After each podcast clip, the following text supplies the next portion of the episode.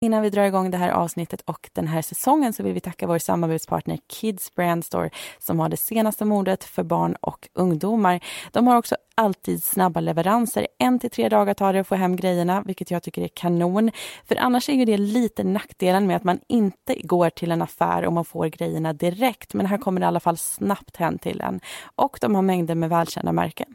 Och med rabattkoden Mordpodden så får du 20 rabatt på ordinarie pris. Och vi tycker det är jättekul när ni taggar oss i bilder på sociala medier när ni har på er de här fina kläderna och faktiskt använt vår rabattkod. Det har vi sett många som har gjort, så fortsätt gärna göra det så vi får se vilka ni är som lyssnar, vilket vi alltid tycker är väldigt roligt och även då vad ni har klickat hem. Men nu ska vi ta och lyssna på veckans avsnitt av Mordpodden.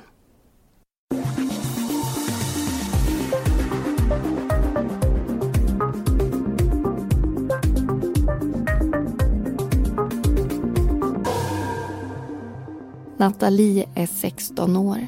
Trots sin unga ålder har hon varit förlovad i två år.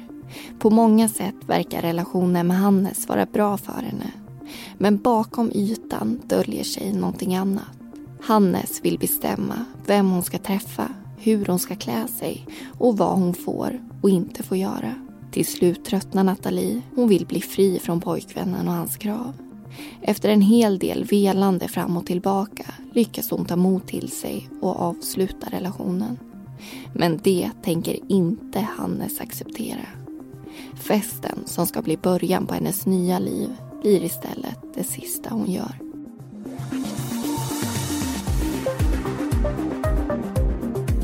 Du lyssnar på Mordpodden en podcast om den mörka verkligheten. I säsong 10 berättar vi om mord från Medelpad och i veckans avsnitt ska du få höra om Nathalie.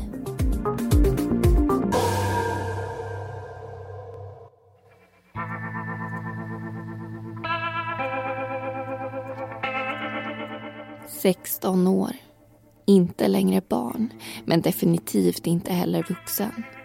Många tror att de redan då har förstått meningen med livet. Att de blivit sitt rätta jag. Men i själva verket har livet precis börjat.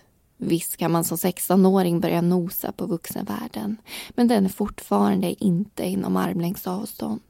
Det är så mycket som ska undersökas, så många misstag som ska göras, viktiga beslut som ska tas och så många lärdomar som ska sjunka in i den åldern innan man kan kalla sig för vuxen. Det är en ålder där många blir svikna, eller kanske själva sviker.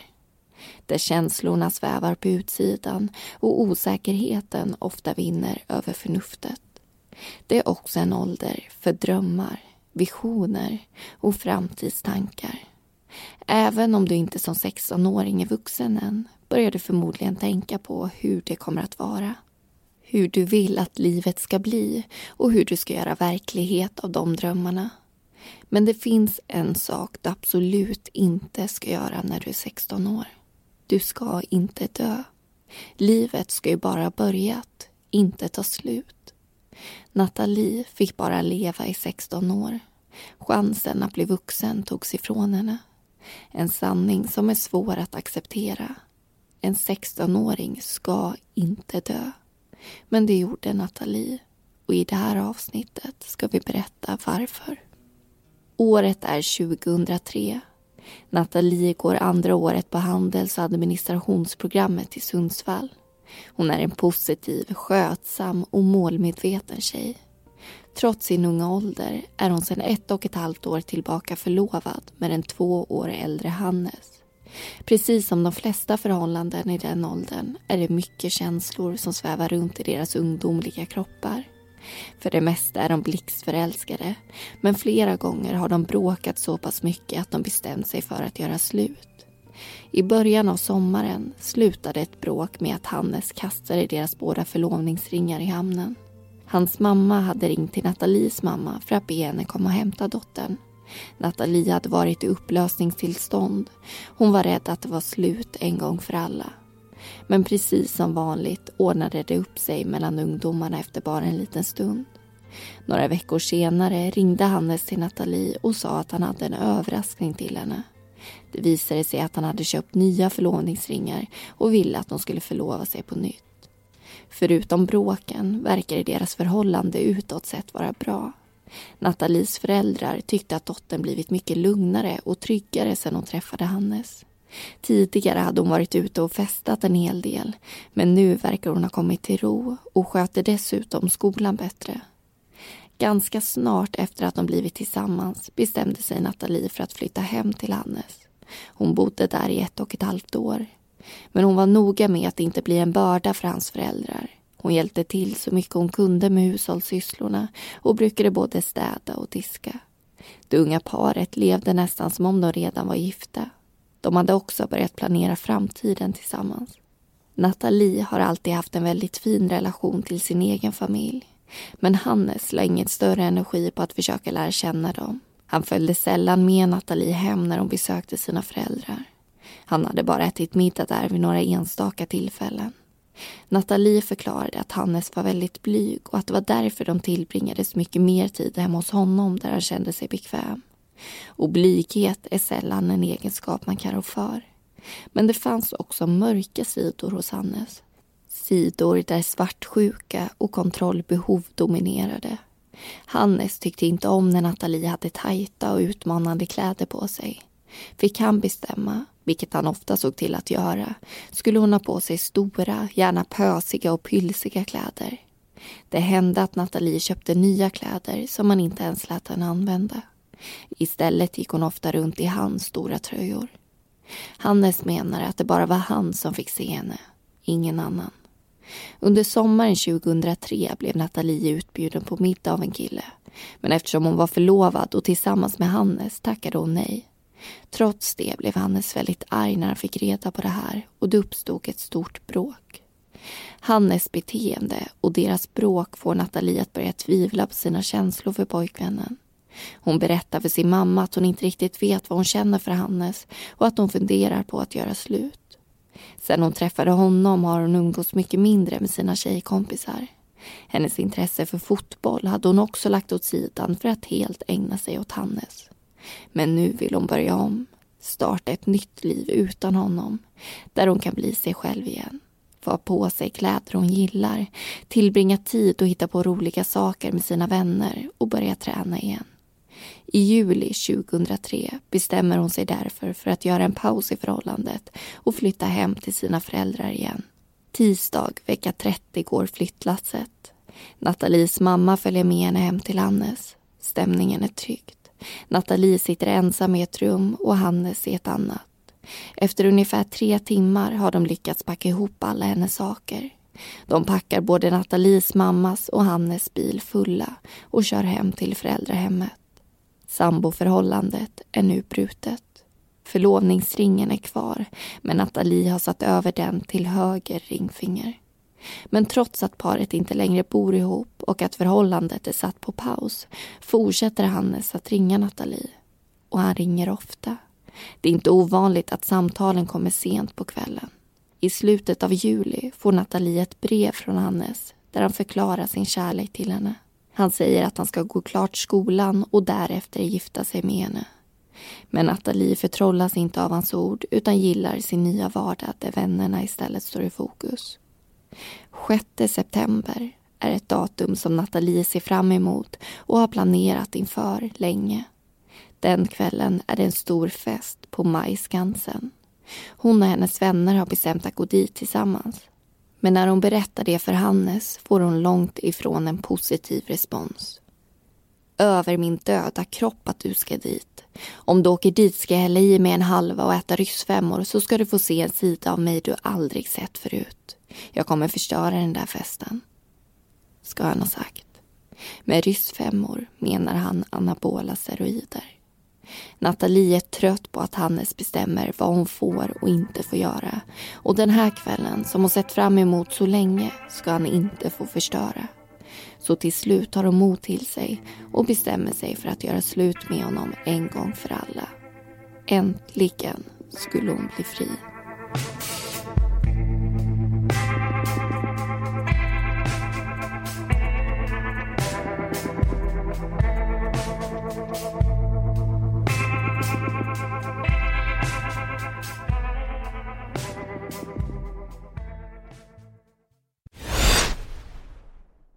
Vi vill den här veckan tacka vår samarbetspartner Biltema. Bryter man ner det här namnet så låter det ju som att de har saker på tema bil, Amanda. Och det har de självklart. De har bilbarnstolar, de har belysning, de har stereo, de har allt möjligt. Men de har ju faktiskt inte bara bilsaker utan de har ju i stort sett allting. Ja, och just nu så känner jag att deras grillsortiment lockar lite extra. Jag har ju bott flera år i lägenhet och inte haft möjlighet att grilla men för ett år sedan så flyttade jag och min lilla familj till hus. Och förra sommaren så såg jag fram emot det här så mycket att äntligen då få möjlighet att grilla. Men så blev det som vi alla minns grillförbud. Så i år så tänker jag att jag ska börja grilla redan nu ifall det blir förbud sen. Man får liksom passa på tänker jag. Ja, det låter som en bra idé. Och Biltema har ju såklart både grillar och grilltillbehör, så glöm inte att spara in deras sortiment och även om det är någonting annat man är ute efter. Tack Biltema för att ni har valt att stötta oss och vara med oss just den här veckan. Då har vi kickat igång vårt första fall för den här säsongen faktiskt. Och diskussion, det blir det snart. Först tänkte jag att du och jag, Amanda, ska ta upp lite information och då pratar jag om just den här säsongen och hur den kommer se ut. Det kommer bli fyra avsnitt allt som allt. Det är Medelpad också som vi kommer berätta om, alltså inte Värmland som vi tog upp i förra säsongen. Och i det här avsnittet så kommer vi alltså börja med att berätta om Nathalie. Precis. Och en fråga som driver oss, eller frågor kanske man ska säga, som driver oss väldigt mycket i det här arbetet med Mordpodden, det är ju frågan varför. Alltså varför sker de här morden? Det försöker vi reda ut i så många avsnitt som möjligt.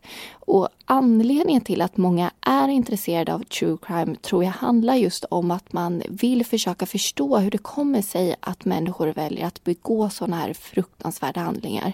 Och I det här fallet så finns det såklart flera faktorer som leder fram till att det här mordet sker. Men en av dem tänkte vi faktiskt ägna den här diskussionen åt, nämligen droger och närmare bestämt anabola steroider. Vad är det första som du tänker på när du hör anabola steroider?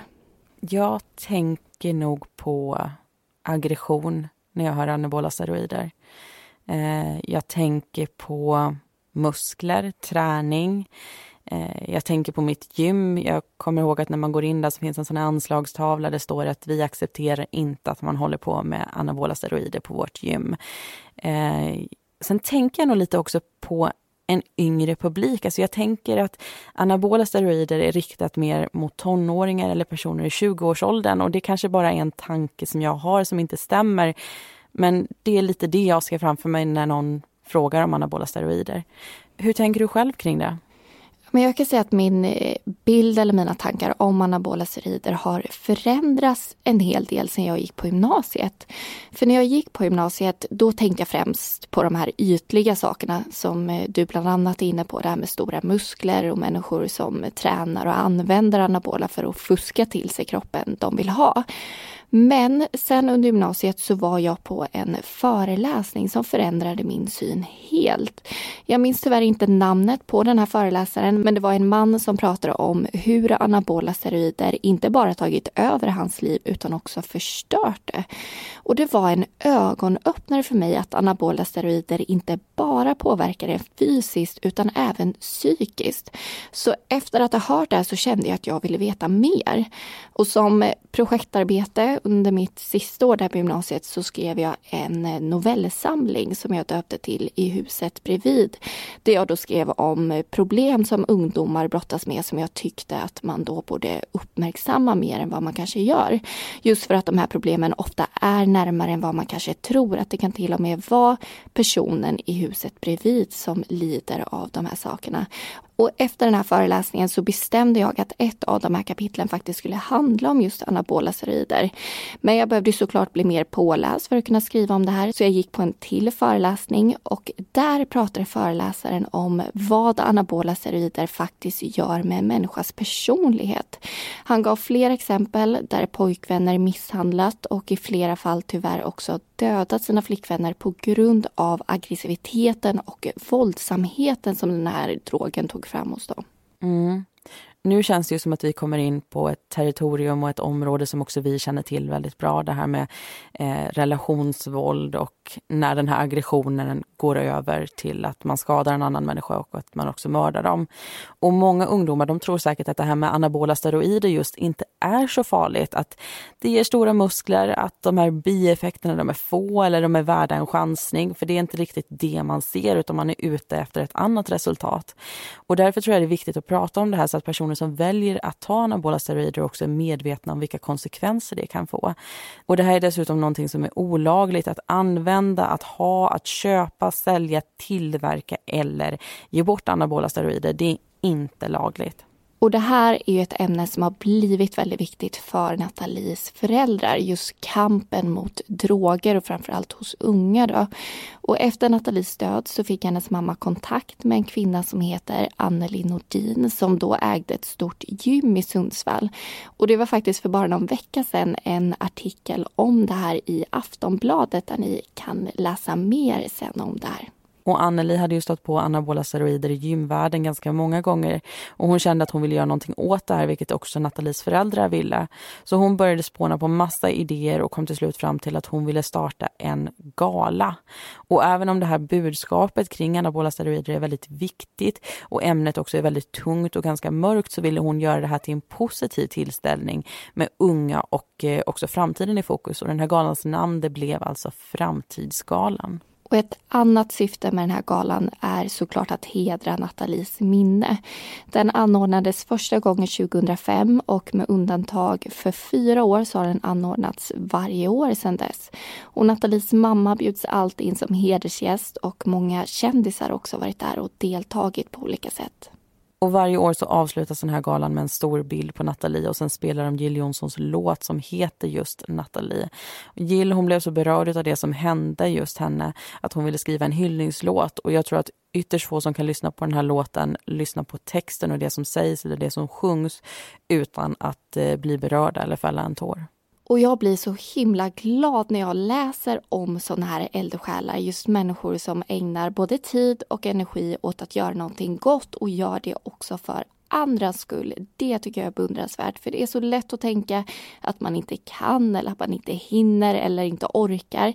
Men jag tror att alla gör det egentligen om man verkligen, verkligen vill. För vill man något tillräckligt mycket då ser man ju möjligheter istället för ursäkter. Men ofta så är ju tyvärr ursäkterna lite närmare till hands på något sätt. Mm, det tror jag du har rätt i. Och innan vi lyssnar vidare på berättelsen så tänkte jag att vi ska hoppa tillbaka lite. Vi ska prata lite mer om just anabola steroider som vi kom in på förut. Eh, och det här är just för att det är så viktigt att veta hur det här kan påverka personer som tar anabola steroider. Jag tror att många tyvärr vet ganska lite om de här bieffekterna och eh, de här konsekvenserna som det kan få. Och en bra sida, framförallt om man är ung, det är ju umo.se. Där står det väldigt tydligt beskrivet just om det här. Men kortfattat så är anabola steroider det vanligaste dopingpreparatet och många använder det för att bli starkare, få mer energi och större muskler och därmed också bättre självförtroende ofta. Men anabola är som sagt både olagligt och ofta också väldigt farligt. Mm. Och det finns ju många olika typer av anabola steroider också. De har olika namn, de ser olika ut. Vissa kan man ta med en spruta, andra kommer i tablettform. Men det de har gemensamt är att det är ett konstgjort hormon som liknar könshormonet testosteron i dem. Och det otäcka är att du aldrig i förväg kan veta vad som kommer hända just dig när du tagit det.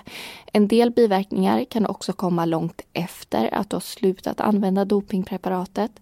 Och på umo.se så står det att eh, vissa personer som har använt anabola steroider helt utan anledning har slagit kompisar, slagit tränare och flickvänner eller personer som helt enkelt bara råkat gå förbi. Och om man dessutom dricker alkohol eller tar andra droger så är risken för att bli våldsam och aggressiv ännu större i kombination med anabola. Och några fler saker som kan hända det är att du kan må väldigt psykiskt dåligt när du tar den här drogen. Du kan få ångest, du kan få svårt att sova, du kan komma in i depressiva perioder eh, och humöret kan, precis som du sa, det kan skifta. Man kan gå från att vara lugn till att bli aggressiv och ta ut det på sina vänner eller sin omgivning. Med andra ord så tycker jag verkligen att man borde prata mer om det här så alla verkligen förstår vad den här drogen verkligen kan göra med en förutom att ge de här stora musklerna. Och med det så tycker jag att vi rundar av lite. Vi slutar upp det här om anabola steroider. Vi hoppar tillbaka in i berättelsen och berättar mer om just Nathalie och hennes historia.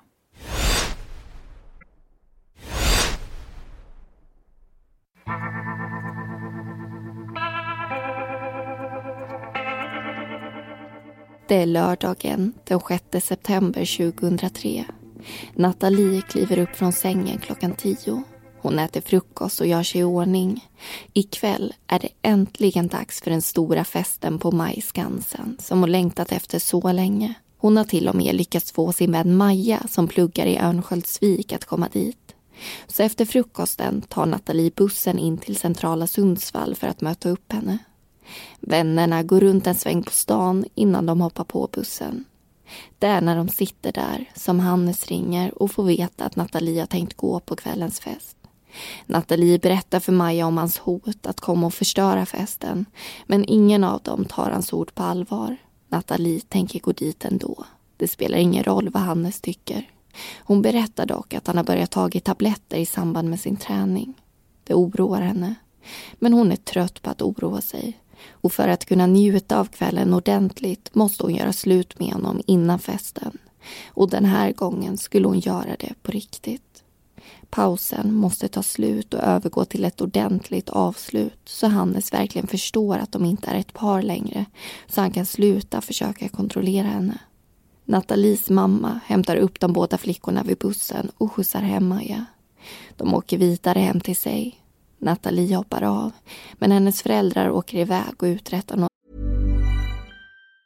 Hej, jag Ryan Reynolds. Recently, I asked Mint Mobiles legal team if big wireless companies are allowed to raise prices due to inflation. They said yes. And then when I asked if raising prices technically violates those onerous two-year contracts, they said, what the f*** are you talking about, you insane Hollywood ass?" So to recap, we're cutting the price of Mint Unlimited from $30 a month to just $15 a month. Give it a try at mintmobile.com slash switch. $45 up front for three months plus taxes and fees. Promo for new customers for limited time. Unlimited more than 40 gigabytes per month. Slows. Full terms at mintmobile.com. ärenden. Medan de är borta kommer Hannes förbi. Och Nathalie gör det hon länge funderat på att göra, men hittills inte vågat. Hon gör slut. Hon vill inte längre ha någonting med Hannes att göra. Nu vill hon ha lugn och ro. På kvällen äter Nathalie middag med sina föräldrar. Hon slänger i sig maten så fort hon kan för på hennes rum sitter hennes kompisar Maja och Saga och väntar. Kompisarna gör sig i ordning tillsammans och Nathalie får hjälp med sitt hår. Hennes mamma hjälper till att fixa fler spännen till uppsättningen. Klockan halv sju är flickorna klara. Nathalie har på sig mellanblå uppvikta jeans, en svart tunn kortärmad draperad tunika och beigea mockaboots. Nathalies mamma skjutsar dem först till en mack där de köper läsk och sen vidare till ett lägenhetshus vid Glasmästeriet där de ska på förfest hos en tjej. De är ungefär tio tjejer på förfesten. De dricker cider, men ingen är direkt berusad. Stämningen är bra och Nathalie är på sitt bästa humör. Hon är sprallig och lättad över att det är slut med Hannes. Tills telefonen ringer. Det är han. Nathalie går fram till sin kompis Saga och säger att Hannes är på väg dit och vill prata med henne. Saga följer med henne ut. Egentligen hade Nathalie och Hannes bestämt att ses vid Konsumbutiken i närheten. Men Saga tycker att det räcker att Hannes stannar till vid vägkanten. Så de ställer sig och väntar. Snart kommer mycket riktigt den före detta pojkvännen. Han stannar en bit bort. Nathalie går dit medan Saga står kvar och håller sig i bakgrunden några meter bort. Men hon spanar hela tiden mot bilen. Hon är för långt bort för att lyckas höra vad som sägs men stämningen verkar lågmäld. Hanne ser koncentrerad ut men samtidigt uppfattar hon hans blick som intensiv och hetsig. Han tar av sig sin ring och kastar iväg den. Sen vänder han sig mot Saga och skriker något spydigt. Han tycker inte om att hon är där och håller ögonen på dem. Sen sätter han sig i bilen och gasar därifrån. Hela händelsen är över på ungefär fem minuter. Flickorna går tillbaka till huset och hämtar Maja. Tillsammans hjälps de åt att leta efter ringen som Hannes kastat iväg. Efter en stunds letande hittar de det lilla smycket. Nathalie ber Maja ta hand om ringen så länge. Strax därpå ringer Nathalie sin mamma. Hon säger att hon känner sig klara på förfesten och gärna vill ha skjuts till den riktiga festen på Majskansen. De är fyra, fem stycken som behöver skjuts och det dröjer inte länge förrän hennes pappa dyker upp med bilen. På Majskansen har festen inte riktigt dragit igång. Tjejerna går in i huset. Det har inte hunnit komma så mycket folk än så de går runt lite och sätter sig sen vid ett bord. Snart fylls lokalen på och det vimlar av festglada ungdomar både inomhus och utanför. När de har varit på festen en stund ringer Nathalies telefon. Hon viskar till Maja att det är Hannes innan hon svarar. När de pratar klart berättar hon för sina kompisar att Hannes vill prata med henne igen. Han kommer dit om ungefär en kvart. Hon har bestämt att hon ska möta honom ute vid vägen. Vännerna tycker inte att det är en bra idé. De är trötta på allt tjafs och tycker att Nathalie ska strunta i Hannes och se till att ha roligt med sina vänner istället. Men Nathalie lovar att hon inte ska följa med honom i bilen utan bara gå ut och höra vad han vill och sen komma tillbaka. Vännerna frågar om de ska följa med men Nathalie säger att det inte behövs. De ska ju bara prata en liten stund. Hon är snart tillbaka igen. Maja går iväg till toaletterna. När hon kommer tillbaka är Nathalie borta. Hon frågar vart hon tagit vägen och får då veta att hon redan har gått ut för att prata med Hannes. Hennes jacka och väska ligger på bordet. Hon hade bett vännerna vakta hennes saker innan hon gick. På Nathalie hade det låtit som att hon i stort sett bara skulle gå ut och vända. Men tiden går utan att hon kommer tillbaka. Maja och en annan kompis går ut för att titta efter henne men ser varken Nathalie, Hannes eller hans bil. Efter en stund kommer oron smygande hos Maja. Hon vet att Nathalie är mörkrädd och att hon aldrig skulle vara ute i mörkret ensam. Nathalies föräldrar sitter ute på balkongen och njuter av höstkvällen. Klockan är strax efter tio och mörkret börjar göra intrång. De blir avbrutna av telefonen som ringer. Det är Hannes pappa som undrar om de vet var sonen är någonstans.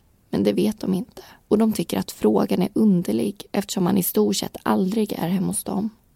Telefonsamtalet gör dem oroliga och de känner att de måste få tag i Nathalie och höra att allt är bra med henne. De ringer hennes telefon, men det är hennes kompis som svarar. Kompisen berättar att Nathalie lämnat sina saker för att gå ut och prata med Hannes. Men det var en stund sen, så hon börjar bli lite orolig. Nathalie borde vara tillbaka nu. Föräldrarna försöker få tag i Hannes, men han svarar inte heller. De bestämmer sig för att själva åka ut och leta på en gång. De åker till Majskansen vid elva tiden och möter upp Nathalies vänner som vid det här laget är riktigt oroliga. Nathalie skulle ju bara vara borta en liten stund. Ingen har sett henne efter det att hon gick ut för att prata med Hannes. Runt midnatt ringer Nathalies mamma till Hannes föräldrar som också åker ut och letar. Ju längre tiden går, desto starkare blir oron. Alla vill ha svar på var ungdomarna befinner sig. Och självklart vill de försäkra sig om att de är okej. Okay. Men det skulle visa sig inte alls vara okej. Okay. Inte någonstans. Nathalie var mördad och det var Hannes som hade mördat henne.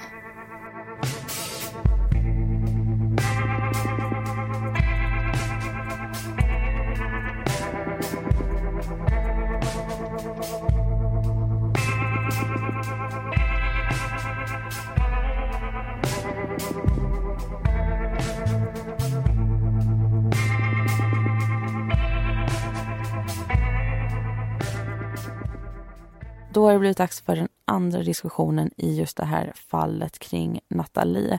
Den här diskussionen tänkte jag att vi ska prata om någonting som många tycker är väldigt svårt och som faktiskt i vissa fall känns omöjligt. Och det handlar om att förlåta. Mm, är du bra på att förlåta? Jag skulle säga att det beror väldigt mycket på vad det handlar om och också vem personen är som jag ska förlåta. Eh, jag tycker inte om att känna mig utnyttjad och gör jag det så finns det en stor risk att jag kommer gå därifrån och lämna den här personen eh, utanför mitt liv istället. Och jag tror att det är bra dock att förlåta, för annars är det ju någonting som man bär med sig, alltså någonting man har inom sig. Man kan bli bitter av att hela tiden älta sådana här saker.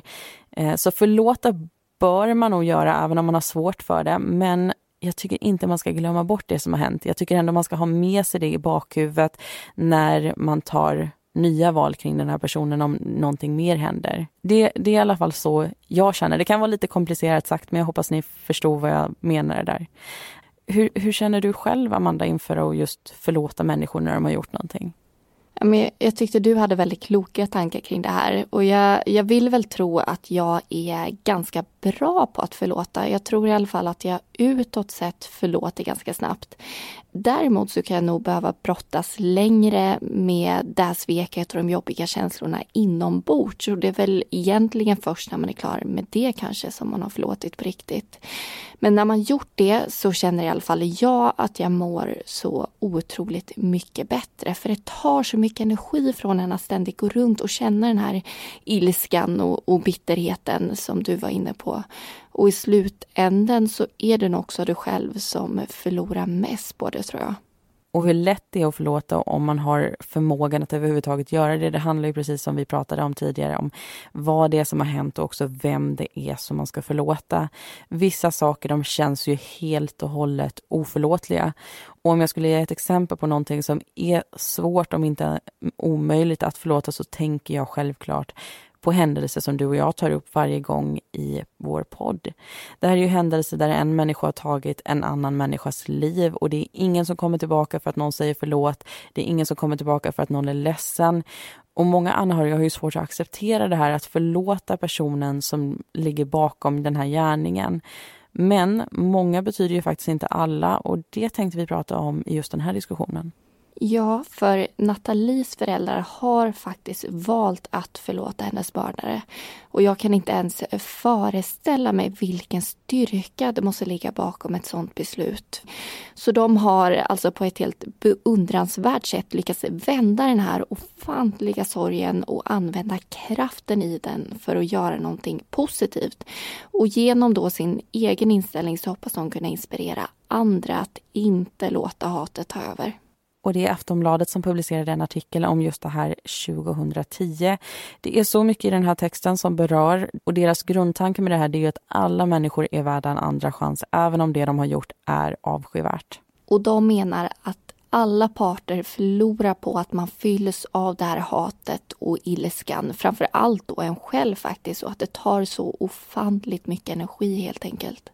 Alltså det är så kloka ord de säger men jag tror att det är svårt för många att omvandla de här tankarna man har till att faktiskt göra det i praktiken. Och vi ska säga att Nathalies föräldrar de har också åkt runt, de har föreläst om på arbetsplatser och skolor om just det här och samtidigt så står det i den här artikeln att de inte tror att det är meningen att alla ska förlåta. Alltså varför och hur de har lyckats göra det här själva, alltså förlåta sin dotters mördare, det kan de inte riktigt svara på. Men för dem så handlar det om att de ska må bra och de ska orka ge tillbaka någonting till andra. Och det här innebär såklart inte att de sörjer mindre än någon annan. För sorgen tror jag är en helt egen del medan förlåtelse är någon slags reaktion på den. Så istället för att låta hat och hämnd prägla och ta energi resten av deras liv som jag, det skulle vara helt förståeligt om det gjorde det. Men då har ju de valt att förlåta för att då kunna gå vidare även om sorgen såklart alltid finns kvar oavsett om man förlåter eller inte. Och sen är det också självklart skillnad på att förlåta en gärning och att förlåta en människa bakom den gärningen. I det här fallet så har ju föräldrarna valt att förlåta Hannes som person, men såklart inte det som han gjorde. Och jag tror att vi alla kan lära oss något om deras tankesätt och deras fantastiska inställning. Och de har ju ett otroligt viktigt budskap som vi hoppas att vi lyckats föra fram eh, någorlunda i alla fall. Och med det i baktanken så tänker jag att vi hoppar in i den sista berättelsen och vi berättar slutet på den här historien om just Nathalie.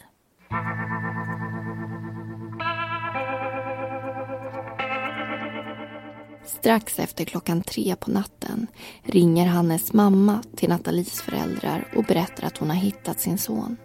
Han var hemma hos sin kompis Jeppe. Hannes säger att han släppte av Nathalie på en parkeringsplats. Hennes föräldrar åker dit på en gång. Nathalies mamma går ut ur bilen och ropar efter sin dotter. Men ropet slukas av mörkret och hon får inget svar. Eftersom letandet inte ger något resultat bestämmer sig Nathalies föräldrar för att ringa polisen. De behöver hjälp att hitta sin dotter. Och det får de. 20 minuter efter samtalet kommer en patrull till platsen. Sökandet skulle pågå i flera dagar. För varje dag som går är det fler och fler personer som hjälper till. Helikoptrar flyger över området. Motorcyklar genomsöker småvägar. Bilar, de stora. Orienterare ger sig ut och letar. Hundar nosar efter spår. Räddningstjänsten snorklar i Bölesjön. En båt letar längs med strandkanten. Hemvärnet hjälper till och även ett stort antal frivilliga från allmänheten som till varje pris vill få arbetsuppgifter som kan vara till nytta. Alla vill hjälpa till att hitta den försvunna 16-åringen. De börjar när solen går upp och ger sig inte förrän vid mörkrets inbrott. Men sökandet leder ingenstans. Inte förrän den 11 september. Då hittas Nathalies kropp, nedgrävd och gömd. Jakten efter Nathalie slutar och jakten på hennes mördare börjar. Efter fyra dagar bryter Hannes kompis Jeppe ihop och berättar att det är Nathalies expojkvän Hannes som mördat henne. Även Hannes själv erkände så småningom att det var han som tog hennes liv.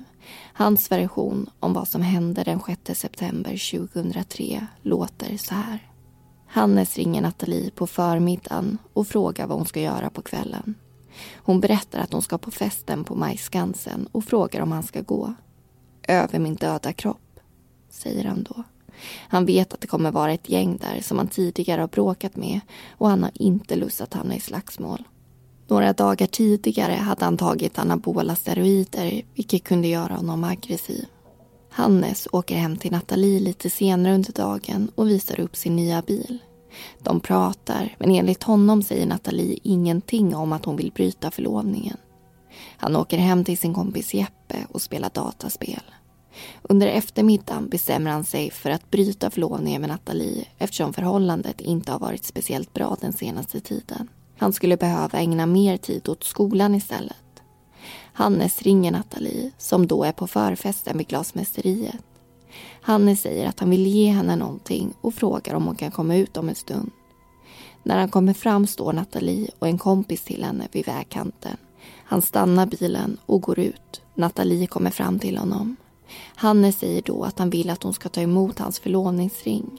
Men Nathalie vägrar och de börjar tjafsa. Till slut kastar han iväg ringen och åker sen hem till Jeppe igen. Lite senare inser han att det är någonting som stör honom. Nathalie har ju fortfarande på sig sin ring, även om den är på fel hand. Han ringer henne igen. Den här gången är hon på den riktiga festen på Majskansen. Hannes frågar om hon kan komma ut om en kvart och prata med honom.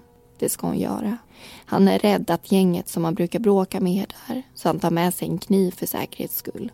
Nathalie kommer ut och sätter sig i bilen. De åker iväg till en mötesplats ungefär en halv kilometer bort för att prata.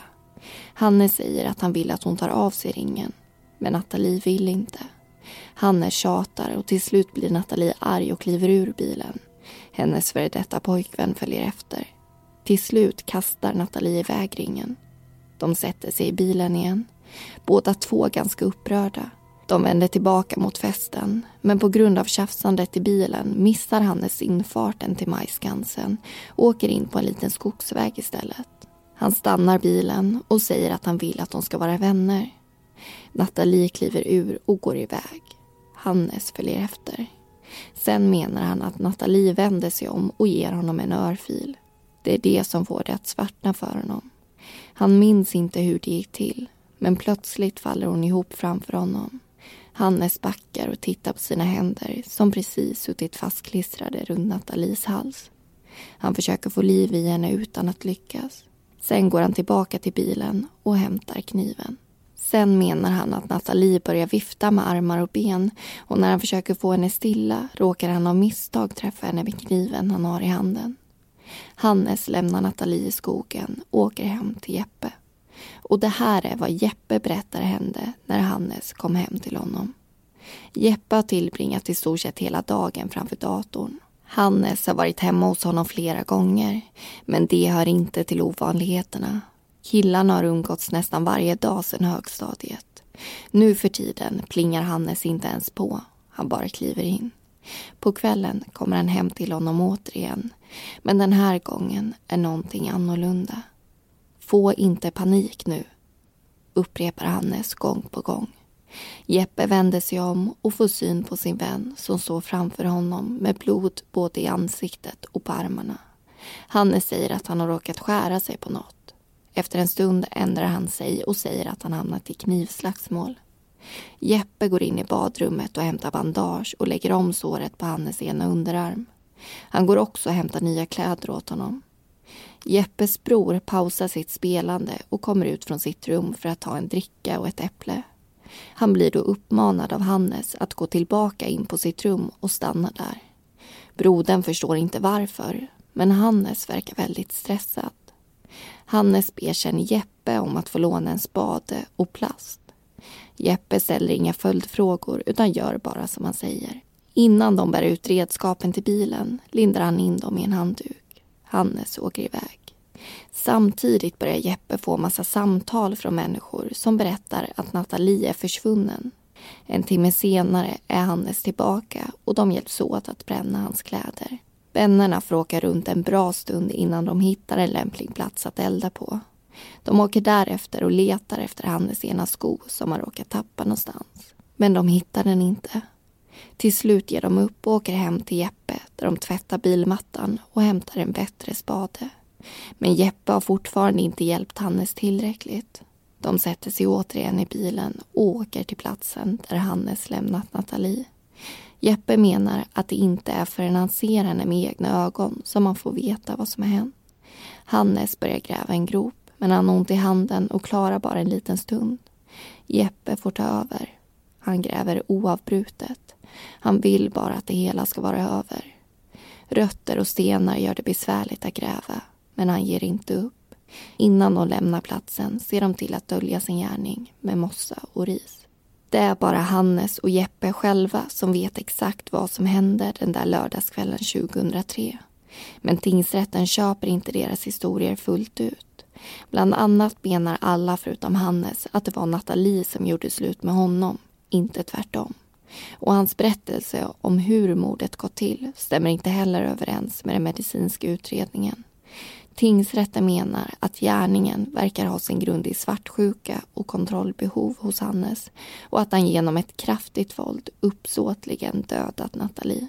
Och att Jeppe inte vet vad som hänt förrän han följer med ut i skogen verkar osannolikt. Redan när han lånade ut grävredskapen till Hannes borde han ha förstått att Hannes begått ett allvarligt brott. Hannes döms till åtta och ett halvt års fängelse för mord, brott mot griftefriden och dopningsbrott. Jeppe döms till ett och ett halvt års fängelse för grovt skyddande av brottsling och brott mot griftefriden. För Nathalies familj är självklart sorgen och saknaden en livstidsdom. Men istället för att ständigt sörja de åren de aldrig fick tillsammans med sin dotter försöker de istället glädja sig åt de 16 fantastiska åren de faktiskt hade tillsammans.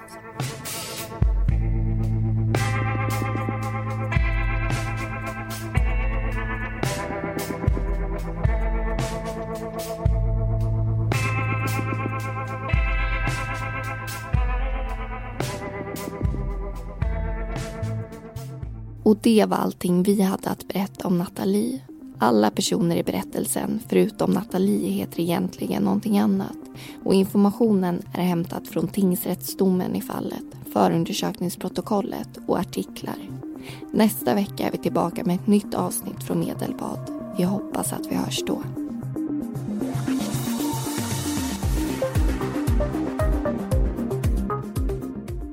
Du har lyssnat på Mordpodden. Vi som har producerat den heter Amanda Karlsson och Linnea Bolin. Bakgrundsmusiken var bland annat Soaring av Kevin MacLeod och Deep Space av Audionautics.